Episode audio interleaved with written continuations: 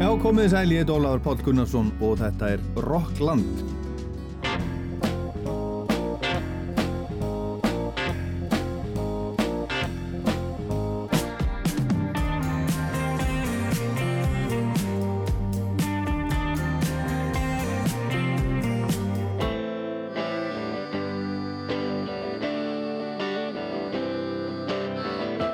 Í þættunum í dag ætla ég að spila slatta af splungu nýri tónlist og rýmsum áttum með fólki eins og, ja, fólki að hljómsveitum eins og Nick Cave og Bad Seeds, Johnny Marr, Good Morning frá Ástralíu, Joannas Policewoman, Lady Gaga og Tony Bennett, Placebo, Luminous og fleira.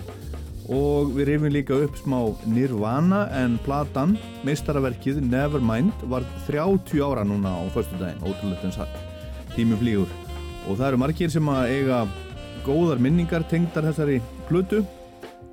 Og við heyrum nokkrar í setjum þetta þáttarins á eftir en fyrst er það Blondie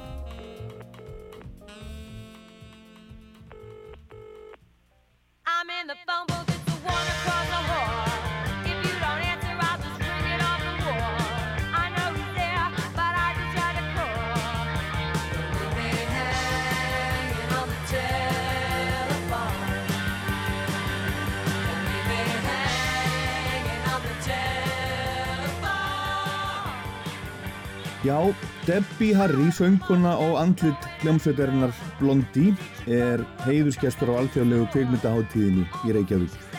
Riff sem hefst núna í vikunni. Á meðal kveikmyndaháttíðarinnar er mynd sem að heitir Blondie að lifa í Havana um tónleikaferðalega hljómsveitarinnar til Kubu í leikstjórn náunga sem að heitir Rob Roth og með ferðinni sem var í bóði menningamála ráðuneytis Kúbu rættist 40 ára gamall draumur hljómsveiturinnar, segja þau. Kvíkmyndin er hluti af tónlistar mynda dagskrá Riff í ár. Og myndin verður sínd í háskóla bíói á laugadaginn og eftir síningu situr Debbie Harry fyrir svörum áhörvenda og Andrea Jónsdóttir, vinkun okkar allra allra að spjalla við hana. Ég ætlaði líka að spjalla við Debbie í síma fyrir þennan þátt, það var búið að ganga frá því, en svo bara gekk það ekki upp en ég ætla samt að segja ykkur frá Debbie og Blondie hér í dag og spila lauginn þeirra. En hljómsveiti Blondie var til í New York ára 1974 og Debbie Harry og gítarleikarin Chris Stein stopnuði hljómsveitina.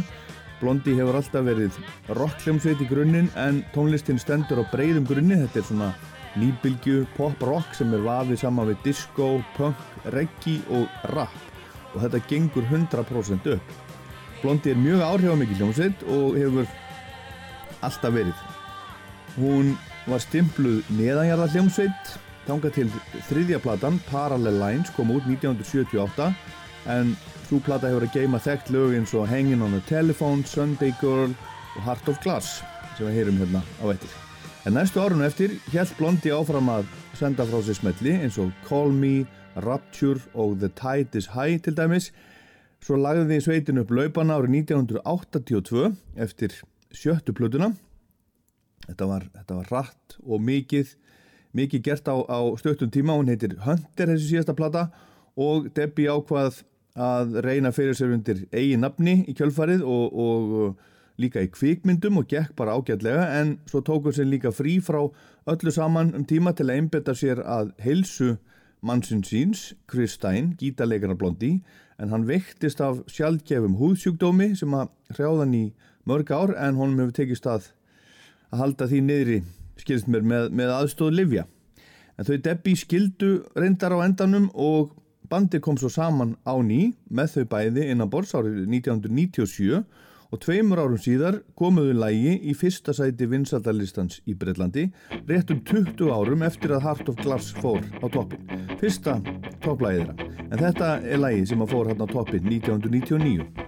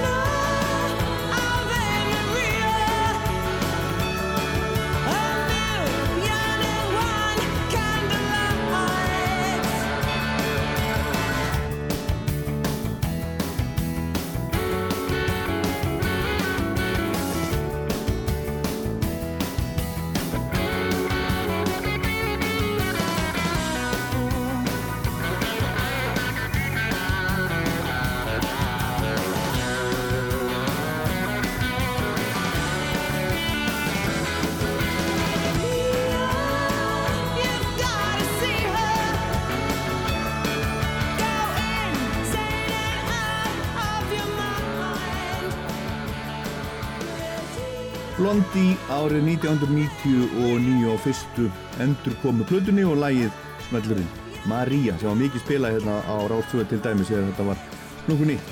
Og þarna síðan 1997 hefur hljómsveitin verið starfandi óslitið og gaf síðast plötu 2017, hún heitir Pollinator. Sveitin var vigðin í fræðarhald Roxins 2006 og hefur sett um það byrj 40 miljónir platna í það heila Og nú er Debbie Harry sem að koma á Riff, heiðusgestur Riff og Andrea okkar Jóns allar að spjalla þennan. Það verður sannkallað drottningaspjall lögadaginn annan oktober. Þetta áttu upphálega að vera í Bíóparadís en það seldist upp bara í einum grænum þannig að það var ákveðið að færa þetta í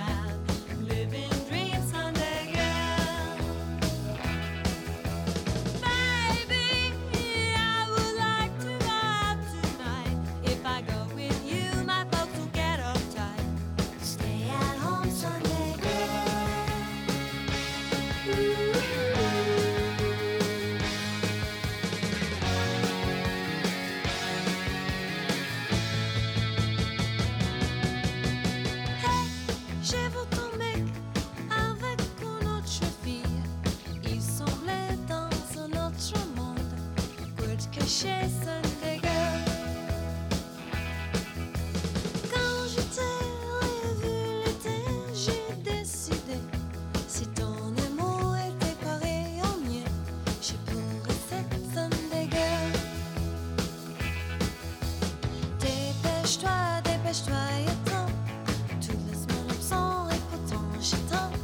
J'ai le cafard, j'ai ton prix, viens voir Þetta er Blondie og það verður mikið Blondie í Rocklandi í dag. Þetta er lægið Sunday Girl kom út á blöðunni Parallel Lines, þriðu blöðunni 1978. Chris Stein, gítarleikari á lægið, hann samti það og, og kveikjan á læginu var kötturinn hennar Debbie á sínum tíma.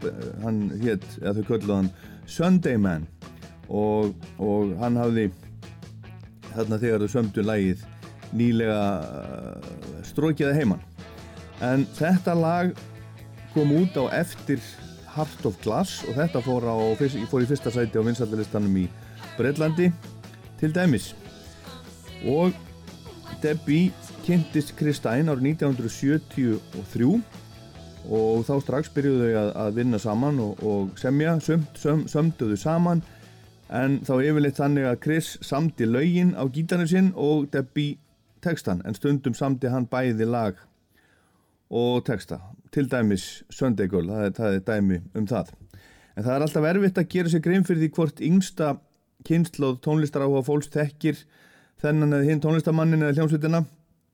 Það er nefnilega alltaf svolítið erfitt að átta sig á því hvaða er sem lifir á meðal fólks og hvaða deyr. Margar hljómsveitir sem voru afgreitar á sínu tíma sem one hit wonders hafa náð á einhvern hátt að festa sig í taugakerfi fólks og það er margar að kynnslóða á meðan annað sem maður held að myndi heldurbyrti lífa er bara glimt og grafið.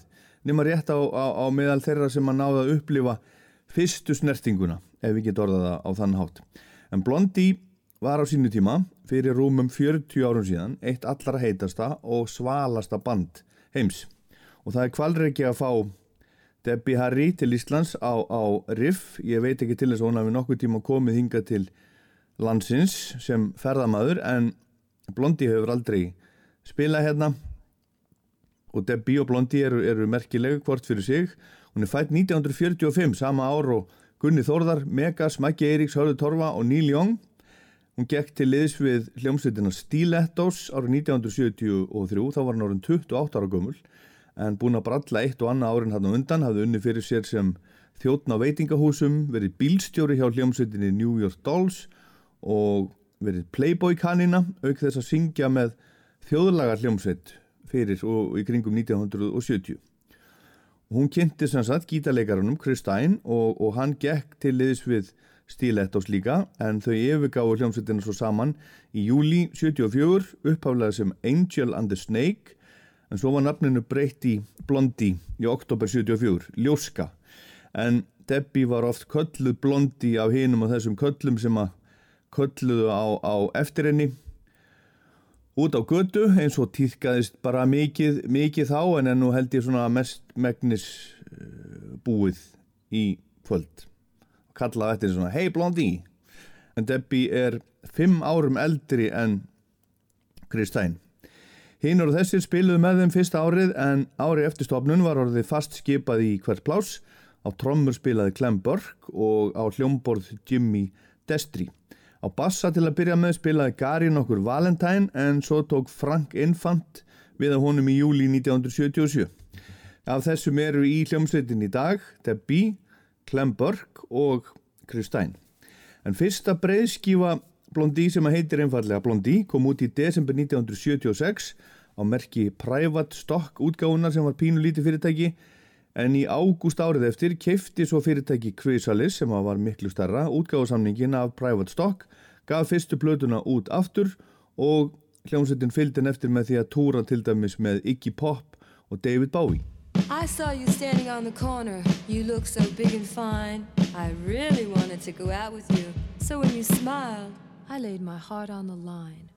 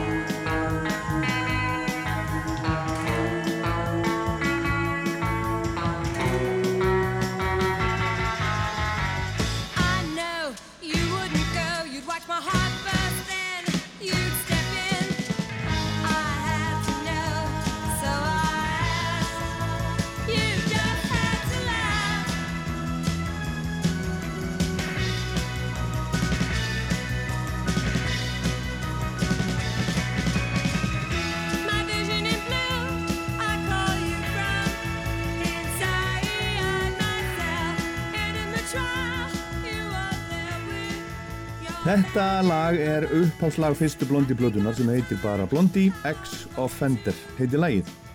Um sömari 1977 kom svo önnurplatan Plastic Letters og um söpa leiti breytist Blondie í sextett þegar breytin Nigel Harrison var ráðinn bassarleikari og bassarleikarin sem að fyrir var Frank Infant tók upp gítar.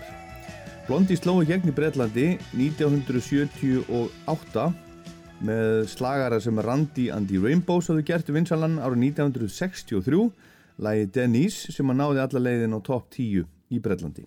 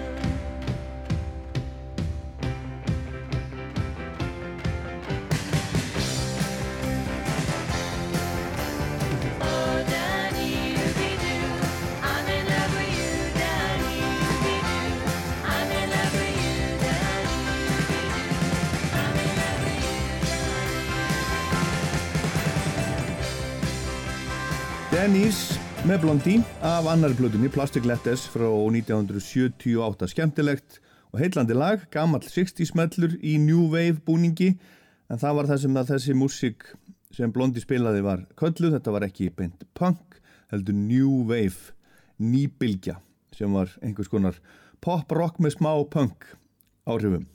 Næsta lag sem náði inn á top 10 heitir I'm Always Touched by Your Presence Dear En þegar lagt var í að taka upp þriðju breyðskífu blondi, Parallel Lines, hafði Debbie samband við breska upptökustjóran og lagahöfundin Mike Chapman og fekk hann til að vinna með þeim. Platan sló umsjöfalaust í gegn þegar hún kom út í september 78 og ekki bara í Breitlandi heldur um allan heim líka hérna heim á Íslandi. Lögaplutunni eins og Picture This og Hanging on the Telephone voru nokkuð vinsæl en svo var allt vittlaust þegar smellurinn Heart of Glass kom út.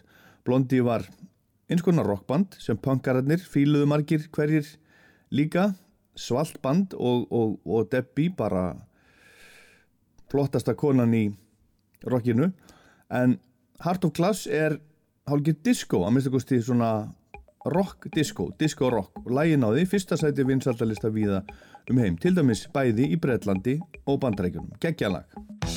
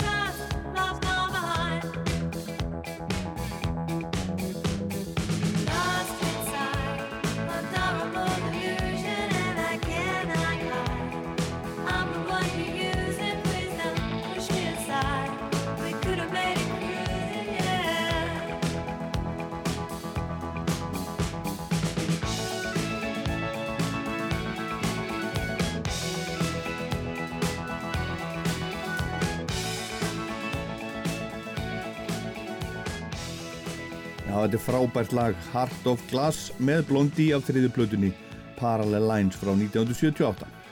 En það eru fleiri smellir af þessari sömu plötu og þeir eru líka nokkur á fjóruðu plötunni Eat to the Beat sem kom út 1979 lögaborð við Dreaming og Atomic. En svo er það lagið Call Me sem er eitt allra vinsalasta lag Blondie. Það var gert sérstaklega fyrir kvikmyndina American Gigolo og ekki hugsað uppálega fyrir Blondie heldur gerði Debbie Harriða með, með þíska disco upptökustjóranum Giorgio Moroder Call Me var Anna La Blondie sem að fóri í toppstætti vinsaldalistana begja vegna Atlasafsins og við skulum heyra Blondie spila þetta á stóra óransviðinu á Róvaskjöldu háttíðinni árið 1999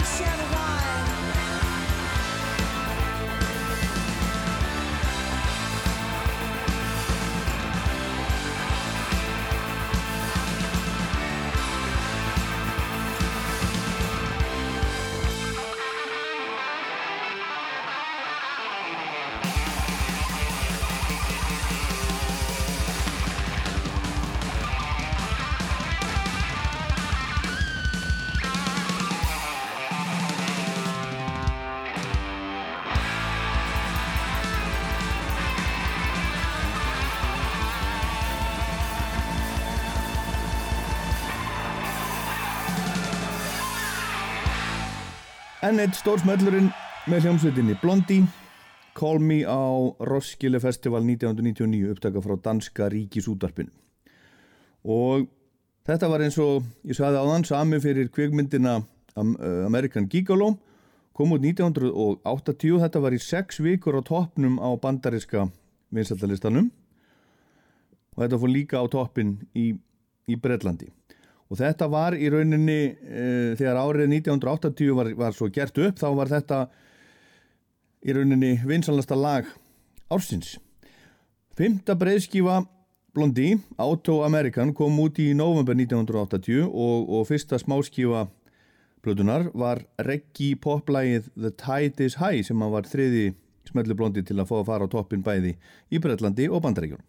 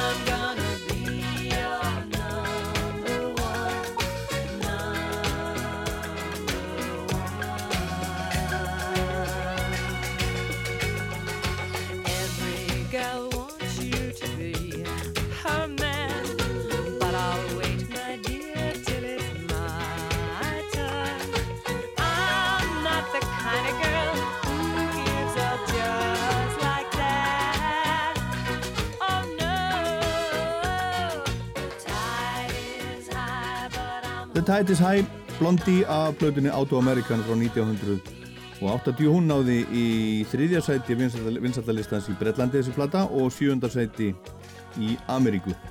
Og það er annar stór smellur á þessari blödu við heyrum þetta lag hérna aftur á eftir í annari útgáfu en það er annar lag á þessari blödu sem er mikill, mikill smellur sem er ennþá ótrúlega, ótrúlega flott. Lagi Rapture þar sem Debbie rappar og þetta er í rauninni fyrsta rapplægið sem að, að uh, miljónum manna út um allan heim heyrðu.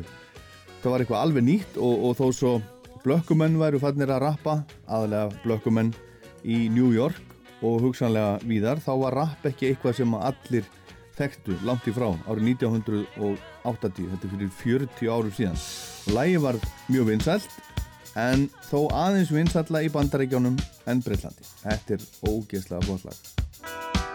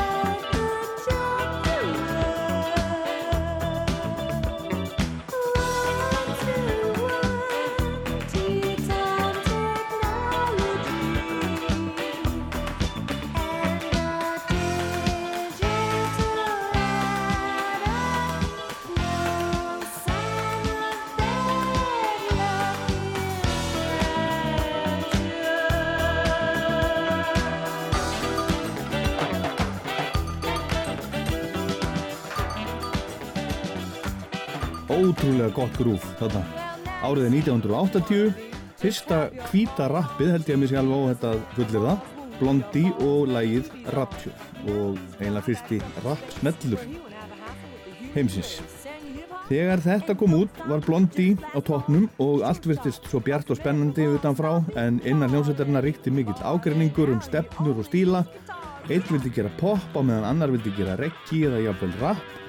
Gítarleikarin Frank Infant fór í mál við félagisuna vegna þess að hann var ekki notaður á plötum hljómsveitarinnar og spilaði engangum með á tónleikum.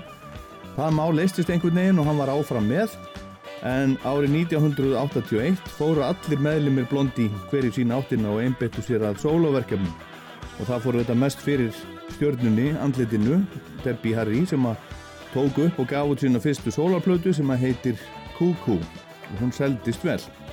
Seint um haustið, sama ár kom út samplatan The Best of Blondie sem ég veit að er til á mörgum heimilum á, á Íslandi á Vínil eða einhverstaðar hún í, í kjallara eða, eða upp á hólofti nema þessi búið að fara með hana í, í góða hyrðin eða eitthvað. En sjötta og síðasta plata Blondie, Hunter, var gefin út í júli 82 og þar eru til dæmis lögin War Child og Island of Lost Souls. Platan fekk ekki góða dóma og seldist ekki nærri eins vel fyrir plötur.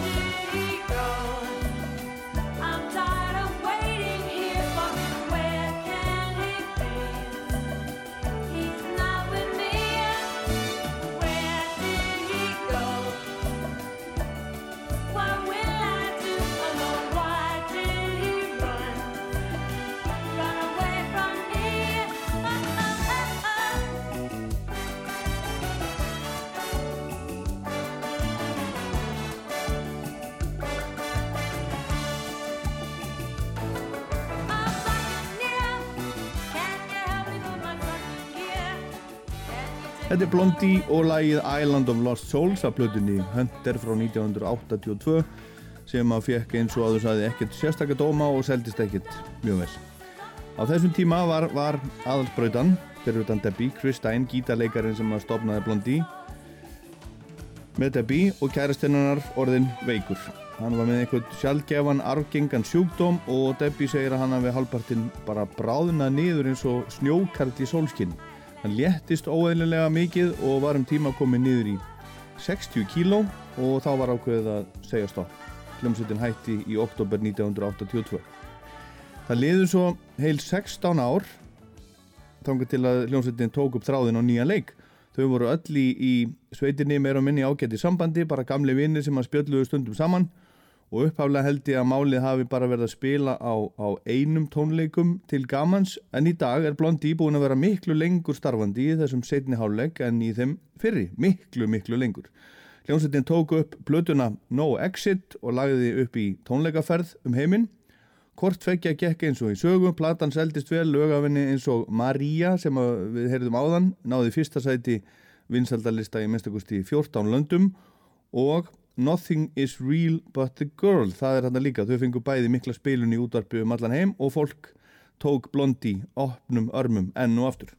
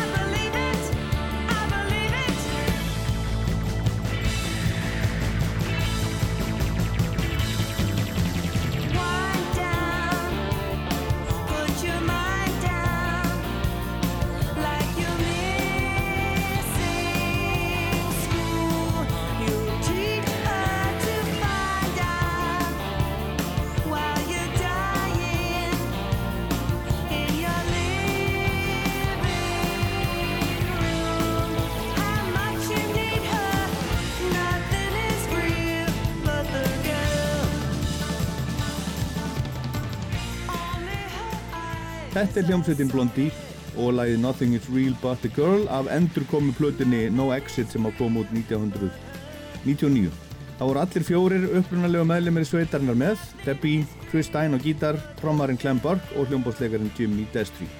Sá sem stjórnaði upptökum á plötunni var Craig Leon sem að vann með þeim að fyrstu plötunni úr 1976. No Exit fekk nú svo sem enga glimrandi dóma en ég veit um marga sem að, sem að höfðu mjög gaman að henni og hafa hún eh, þótti samt svona inniheld að góðan slatta af uppfyllingarlögum en sitt sínist hverjum eins og alltaf. En hún seldi samt ágætlega og kom sveitinni auðvitað aftur á kortið og rúmlega það.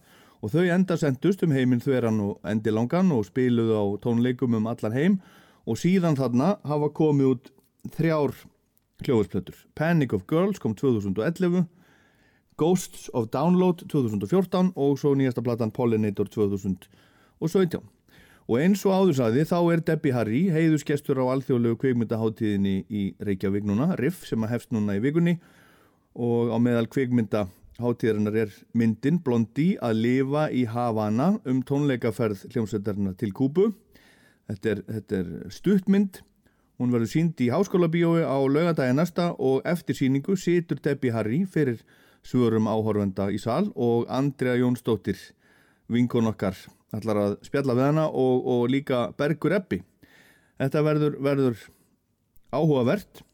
Ég veist ekki um, það eru margir sem að hafa áhuga á Debbie Harry og, og, og Blondi Blondi er, er merkileg og skemmtileg hljómsveit og Debbie Harry er mikil stjarnar og mikil fyrirmynd. Hún er orðin 76 ára gömul og lætur ekkert stöfa sig. Stendur ennþá glæsileg upp á sviði með vinnu sínum í hljómsveitinni og syngur lögin sín og nýtur þess og hrýfur fólk með sér, hún er, hún er einstök og ég hef búin að fylgjast með og, og, og dásta Debbie Harry bara síðan ég var síðan ég var svona tí ára gammal og ég hef séð Blondi spila tvísvar, einu sinn á Glastonbury og svo á, á Hróaskjeldu hann árið 1999 en við skulum enda þennan Blondi kabla þáttarins á því að heyra lag af tónleikonum á Kúbu. Það var gefin út sexlaga tónleikaplata svona til hliðar við þessa mynd sem heitir bara Live from Havana 2019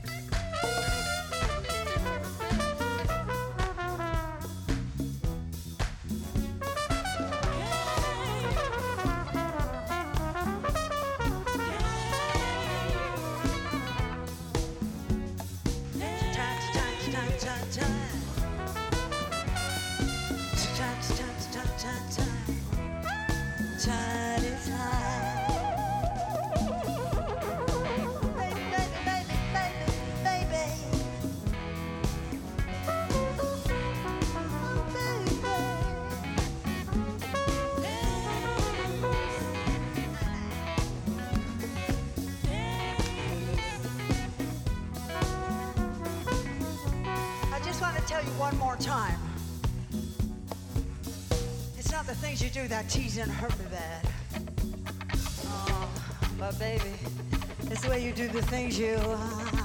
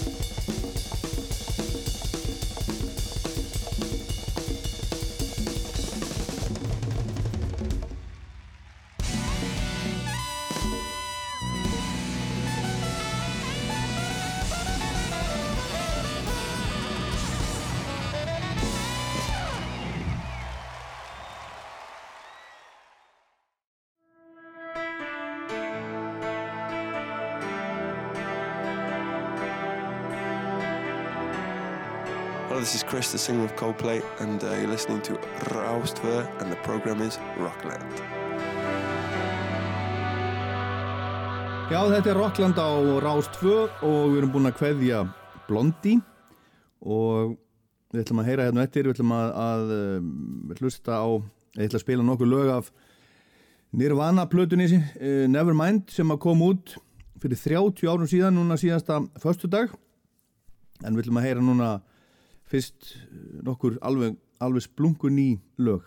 Og byrjum á nýju lægi með hljómsveitinni Placebo sem að spilaði einu sinni í lögatröll, með minnir að það verið 2004 þegar, þegar tónleika voru teknir upp fyrir Rástvö en Placebo hefur ekki sendt frá sér plötu síðan 2013 það var plata sem heitir Loud Like Love.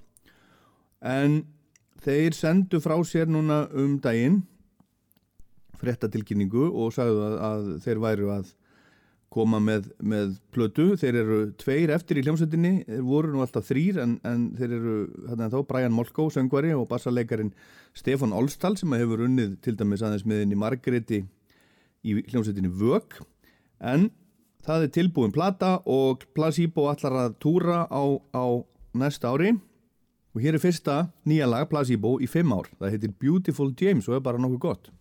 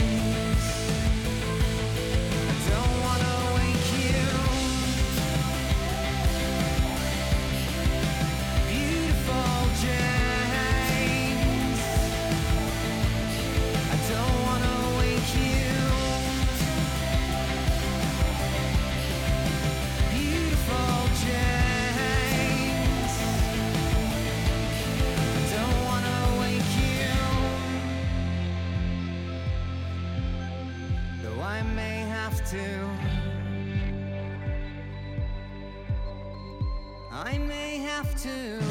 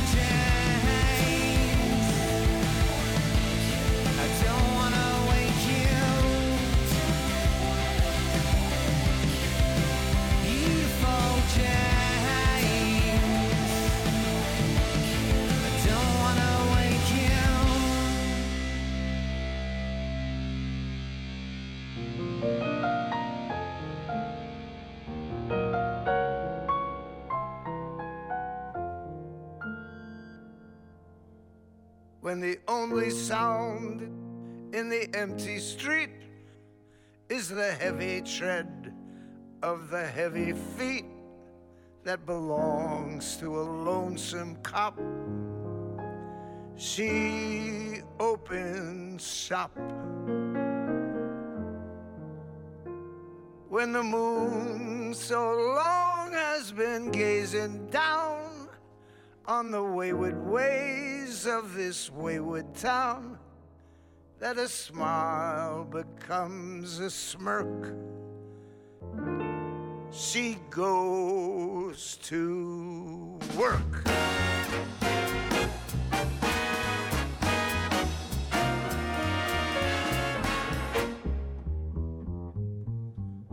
Love for sale.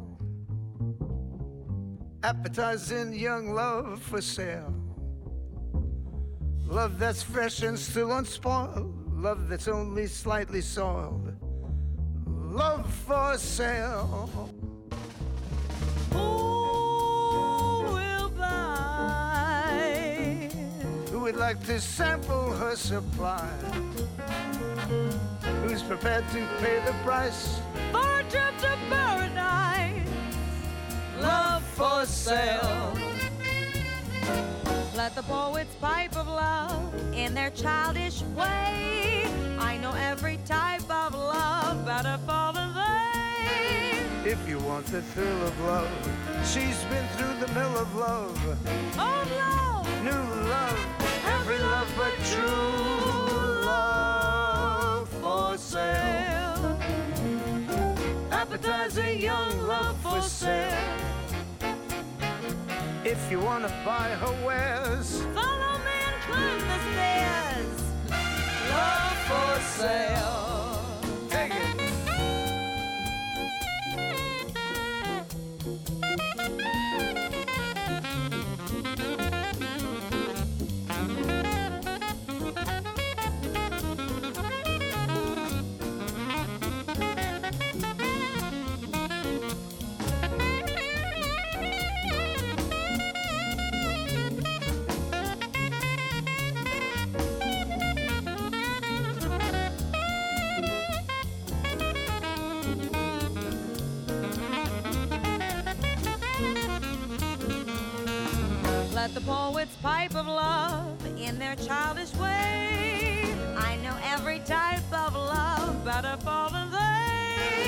If you want the thrill of love, she's been through the mill of love.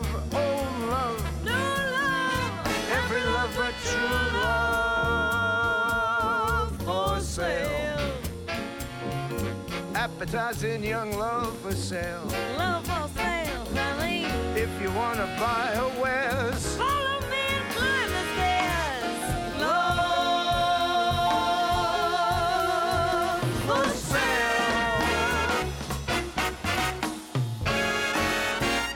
Þetta er splungunýtt en samt eldgamalt, þetta er gammalt lag eftir, eftir Cole Porter, gammalt jazz standard heitir Love for Sale.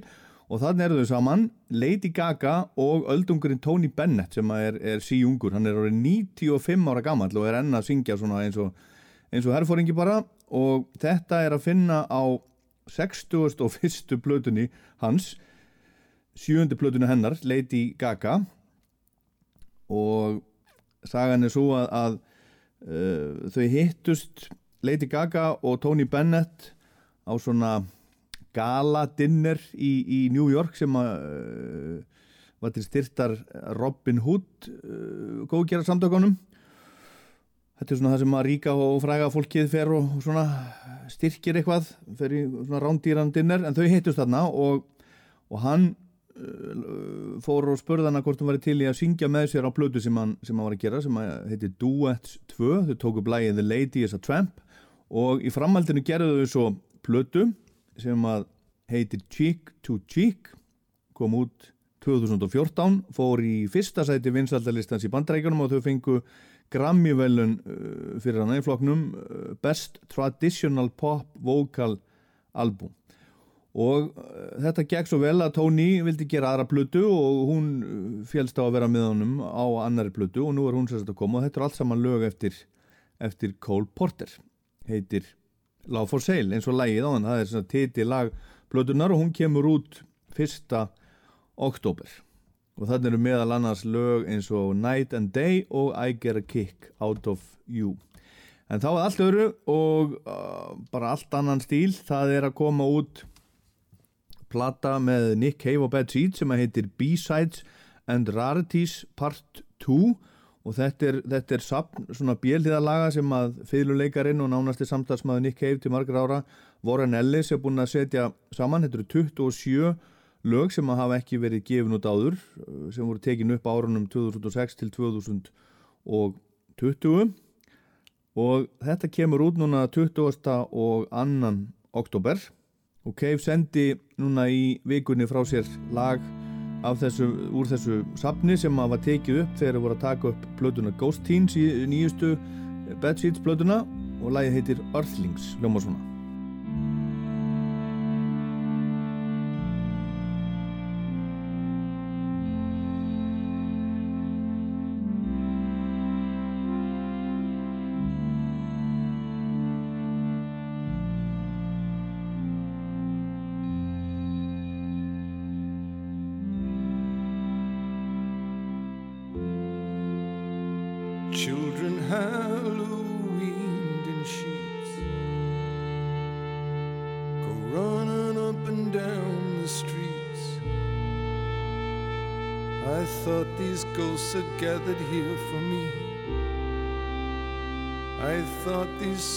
would one day set me free. Laughter fills the sky above. How can such a thing provoke our love? I thought these ghosts were there to set me free. I thought these songs had traveled here for me. I think they're singing to be free. One star dies and the night collapses, I rise in love enraptured. I thought that love would one day set me free. I think my friends have gathered here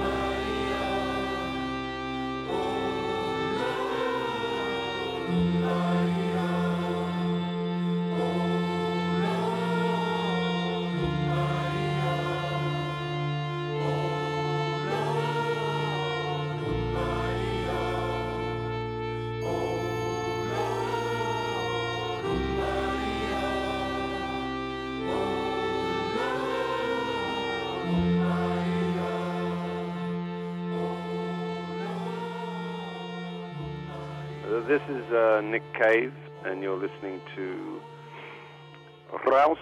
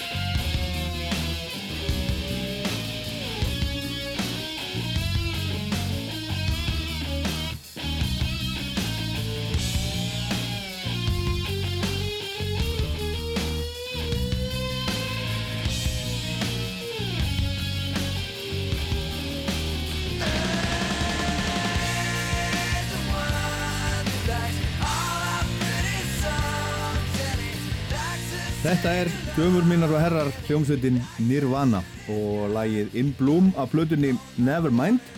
Nevermind er önnur hljóðversplata Nirvana og hún er hvorki meirni minna 30 ára gömul síðan núna á förstu daginn og kom á 24. november 1991. Þessi plata er öllu aðgengilegri og útvæðsvætni en fyrsta plata Nirvana, Bleach, sem kom út tveimur ánum fyrr og upptökustjórin Buds Vig á hann ansi, ansi stóran part en hann stjórnaði upptökum á á plötunni. Og trommarinn Dave Grohl var nýkomin inn í hljómsveitina þegar platan var gerð. Dave sem hefur svo leitt Foo Fighters síðasta aldarfjórðungin eða svo.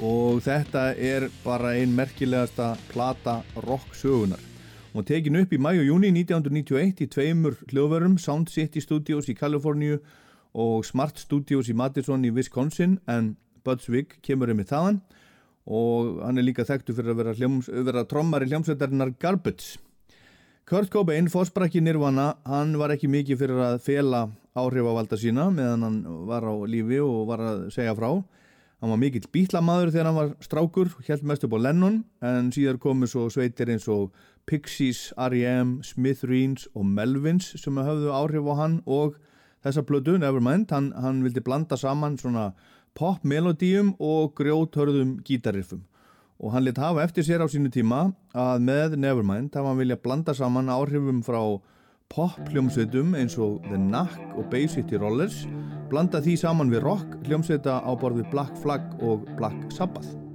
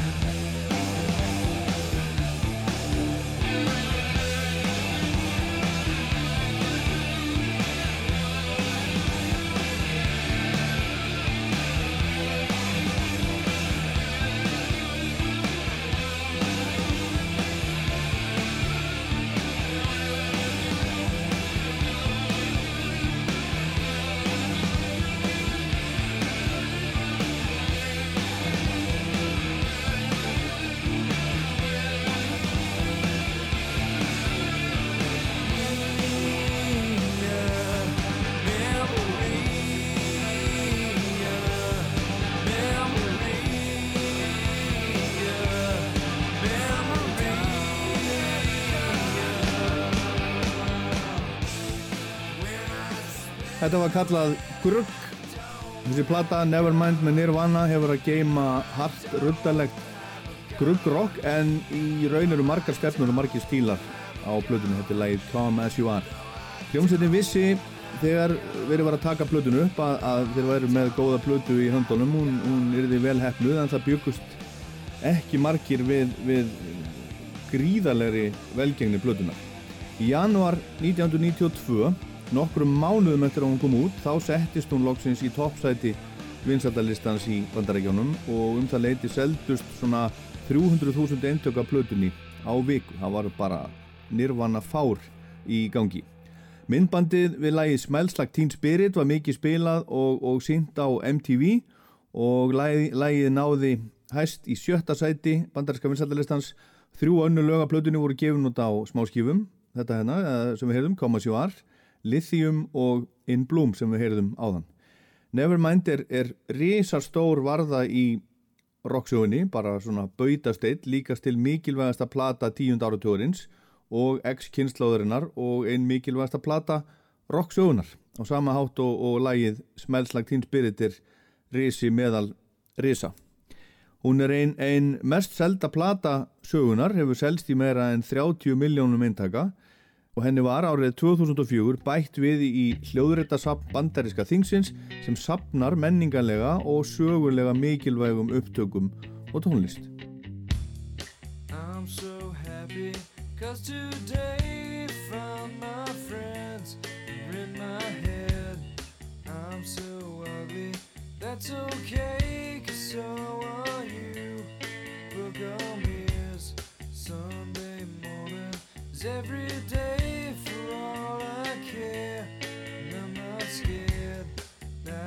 candles in our days cause I found God.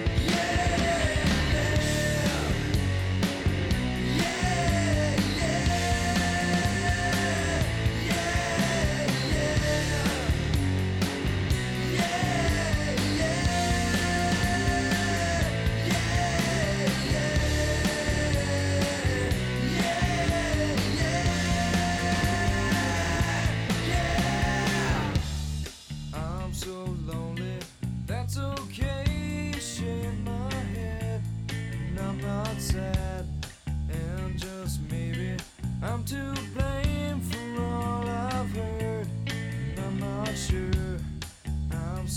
I can't wait to meet you there.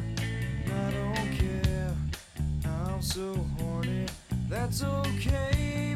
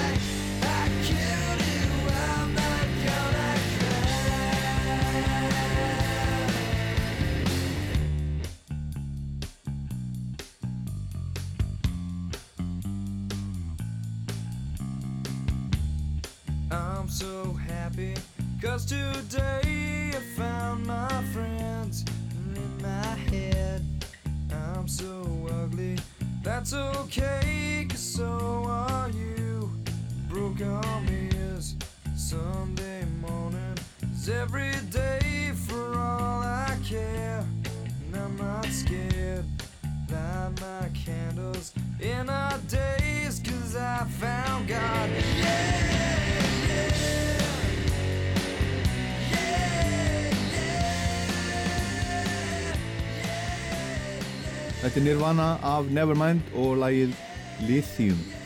Ég var með þessa plötu, þessi plata var plata þáttarins í þættinum Fuss á föstudagskvöldi, rock þættinum Fuss sem er hérna föstudagskvöld og ég sagði frá því á Facebook síðunni minni og bað fólk um að um að skrifa eða væri með einhverjar, einhverjar sögur einhverjar svona Nirvana Nevermind sögur og ég sagði hvernig er þín Never, Nevermind eða eða Nirvana saga hefur platan staðist tímans tönn og Jón Jósef Snæbjörnsson skrifaði til dæmis Jóns í svörtum fötum ég satt í 1929 á Akureyri og horfði á kreditlista bíómyndar sem um mig minnir að hafi verið skotin í skónum Smellslag Teen Spirit ómaði undir listanum og hughrifin mín voru það mikil að ég ákvaði að vera tónlistamæður. Það er ekkert smá.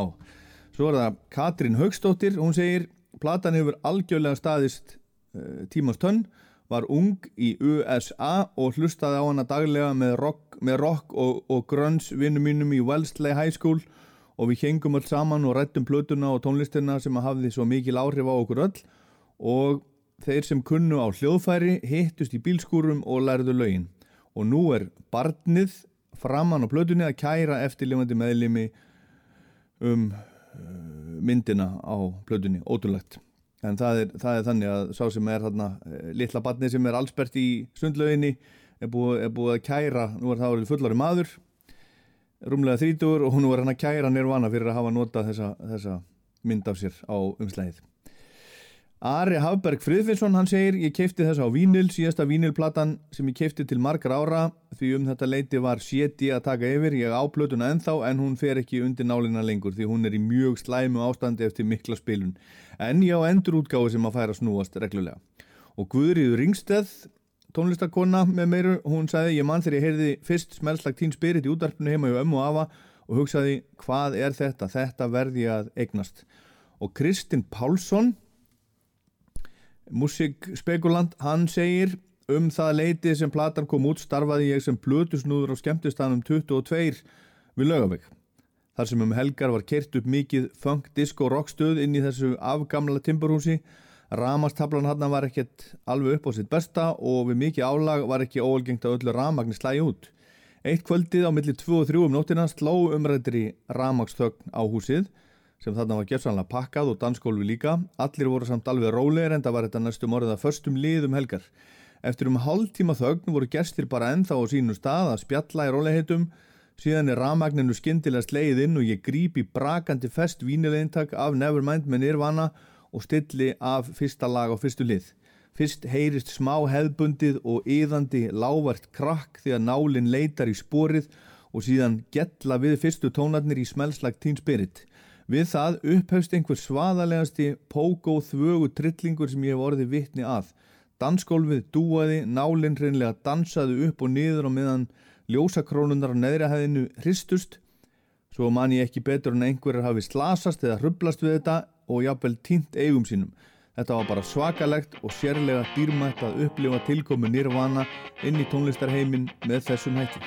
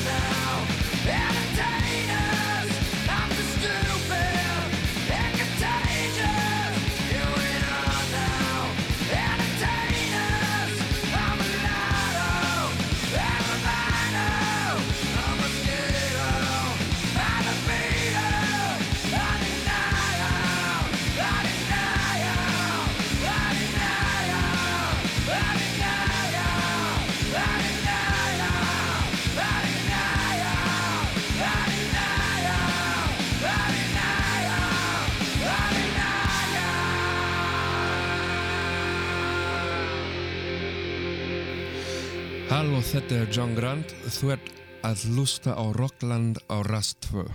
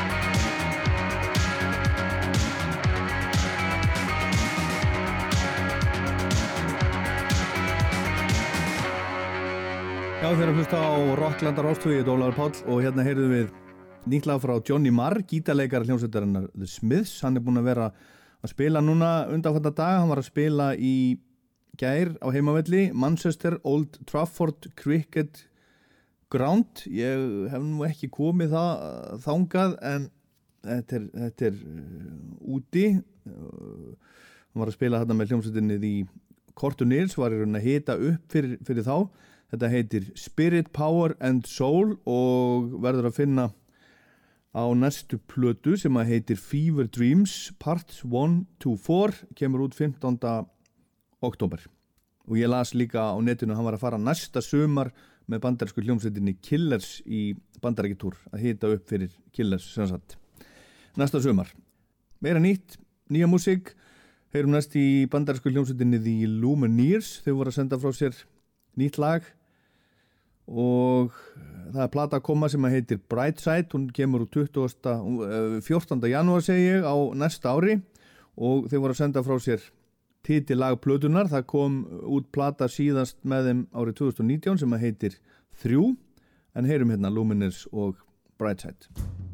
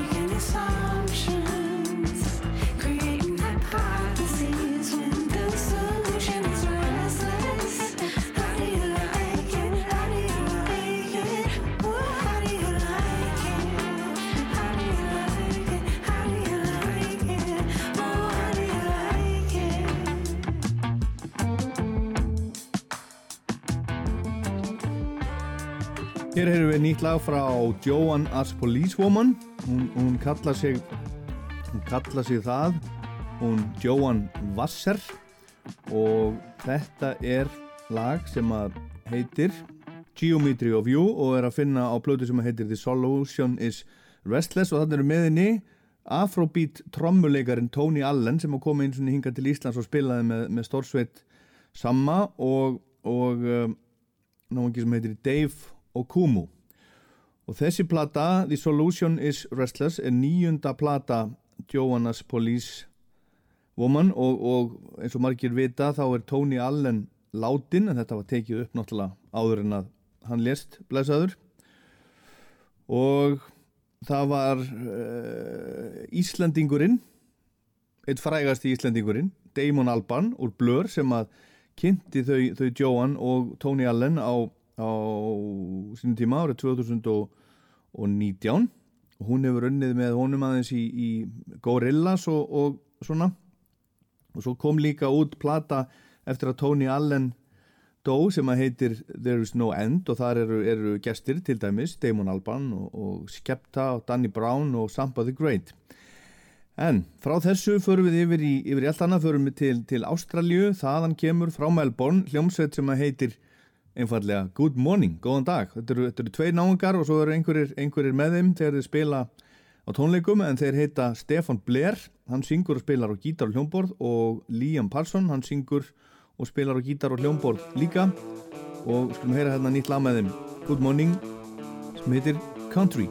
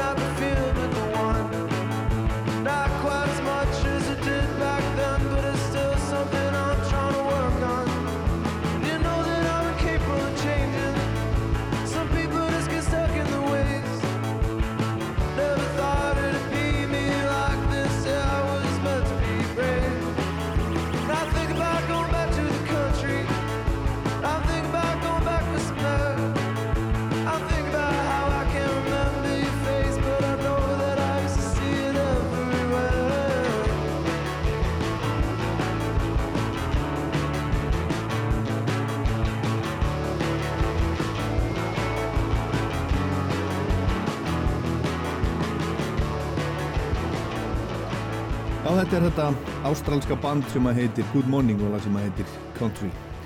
Við hófum þáttinn í dag á Debbie Harry úr Blondie sem er að leiðinni til landsins, verður á Íslandi um næstu helgi, heiðusgestur Riff kveikmyndaháttíðarinnar. Hún er fætt 1945, 76 ára gömul eins og ég komað á þann, 76 ára glæsi pía og í dag er 76 ára, nákvæmlega í dag, Brian Ferry fyrir um fórsprakki Roxy Music. Hann kom til Íslands fyrir nýju árum í mæi 2012 og hjælt tvenna tónleika í fullri Eldborg sem Rástfö tók einmitt upp. Og ég fekk líka að hitta meistarinn í stuttastund á fórsetaskrifstofunni á Bessastöðum daginn fyrir fyrir tónleikana.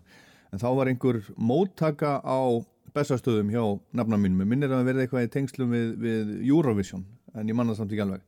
Og Brian Ferry var hann einhvers konar heiðusgestur og við rættum hitt og þetta til dæmis æsku hans í Durham á Englandi þar sem á heimilans var korki rennandi vatn í ramagn og pappans var hann vann í, í kólanámu alla sín æfi uh, með hesta. Og við rættum hitt og þetta og ég spurði hann líka hvort hann hefði einhver tíma til þess að líti eitthvað í kringu sig meðan hann væri á Íslandi. I wish I had more time, um, but uh, you know, Sunday is show day and Monday is show day, so uh, uh, on you never really get to do very much on those kind of days because you have to do, you know, sound rehearsals and checks and so on, and. Um, I would, I would have liked to have gone gone fishing here. Actually, Uh, my son's a big. fi- One of my sons is a big salmon fisherman. He, he would have loved. To, but the season doesn't start till next week. So. Oh, yeah, yeah, yeah. So we're, we're a bit out of sync with that. Yeah. But um, I'm sure there'll be wonderful things to see. Maybe on the last day we'll have a chance to to see something outside the town. Akkurat, Brian Ferry 76 ára gammal í dag og vonandi er hann að gera eitthvað ótrúlega skemmtilegt með vinum sínum og fjölskyldu og ég minni hérna í lokin á Rockland á rúf.is í rúf spilarannum og hlaðvarp á Spotify til dæmis og svo mæli ég með og minni á Rockland mælir með lagalistanum sem er á Spotify, tekkið endil á honum og svo getið þið smelt á hjartað og fyllt honum ef að eitthvað líst á ég uppvaran mánaðarlega 30 lög. Margt mjög skemmtilegt oft. En ég heit Ólaður Pál Gunnarsson og við endum á Brian Ferry í Hörpu í mæ 2012 All Along the Watchtower eftir Bob Dylan upptakar ásal 2 Þetta var Rockland, takk fyrir að hlusta. There must be some way out here, said the joker to the thief. There's too much confusion, I can't get no relief. Businessman, they drink my wine, climb and drink my earth.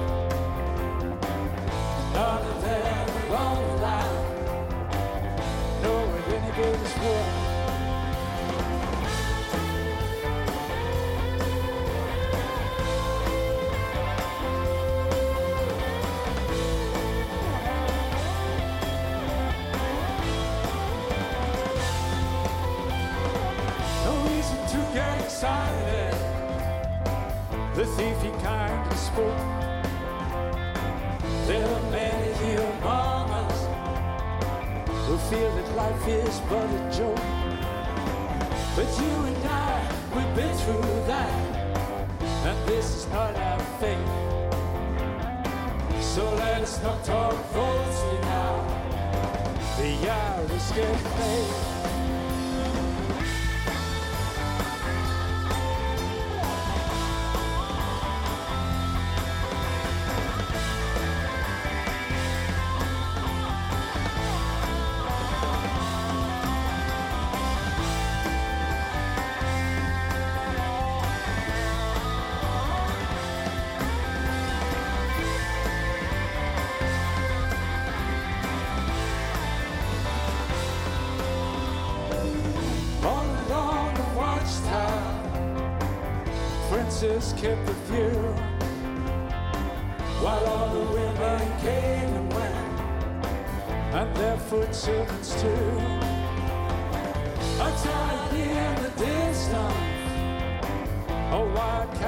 to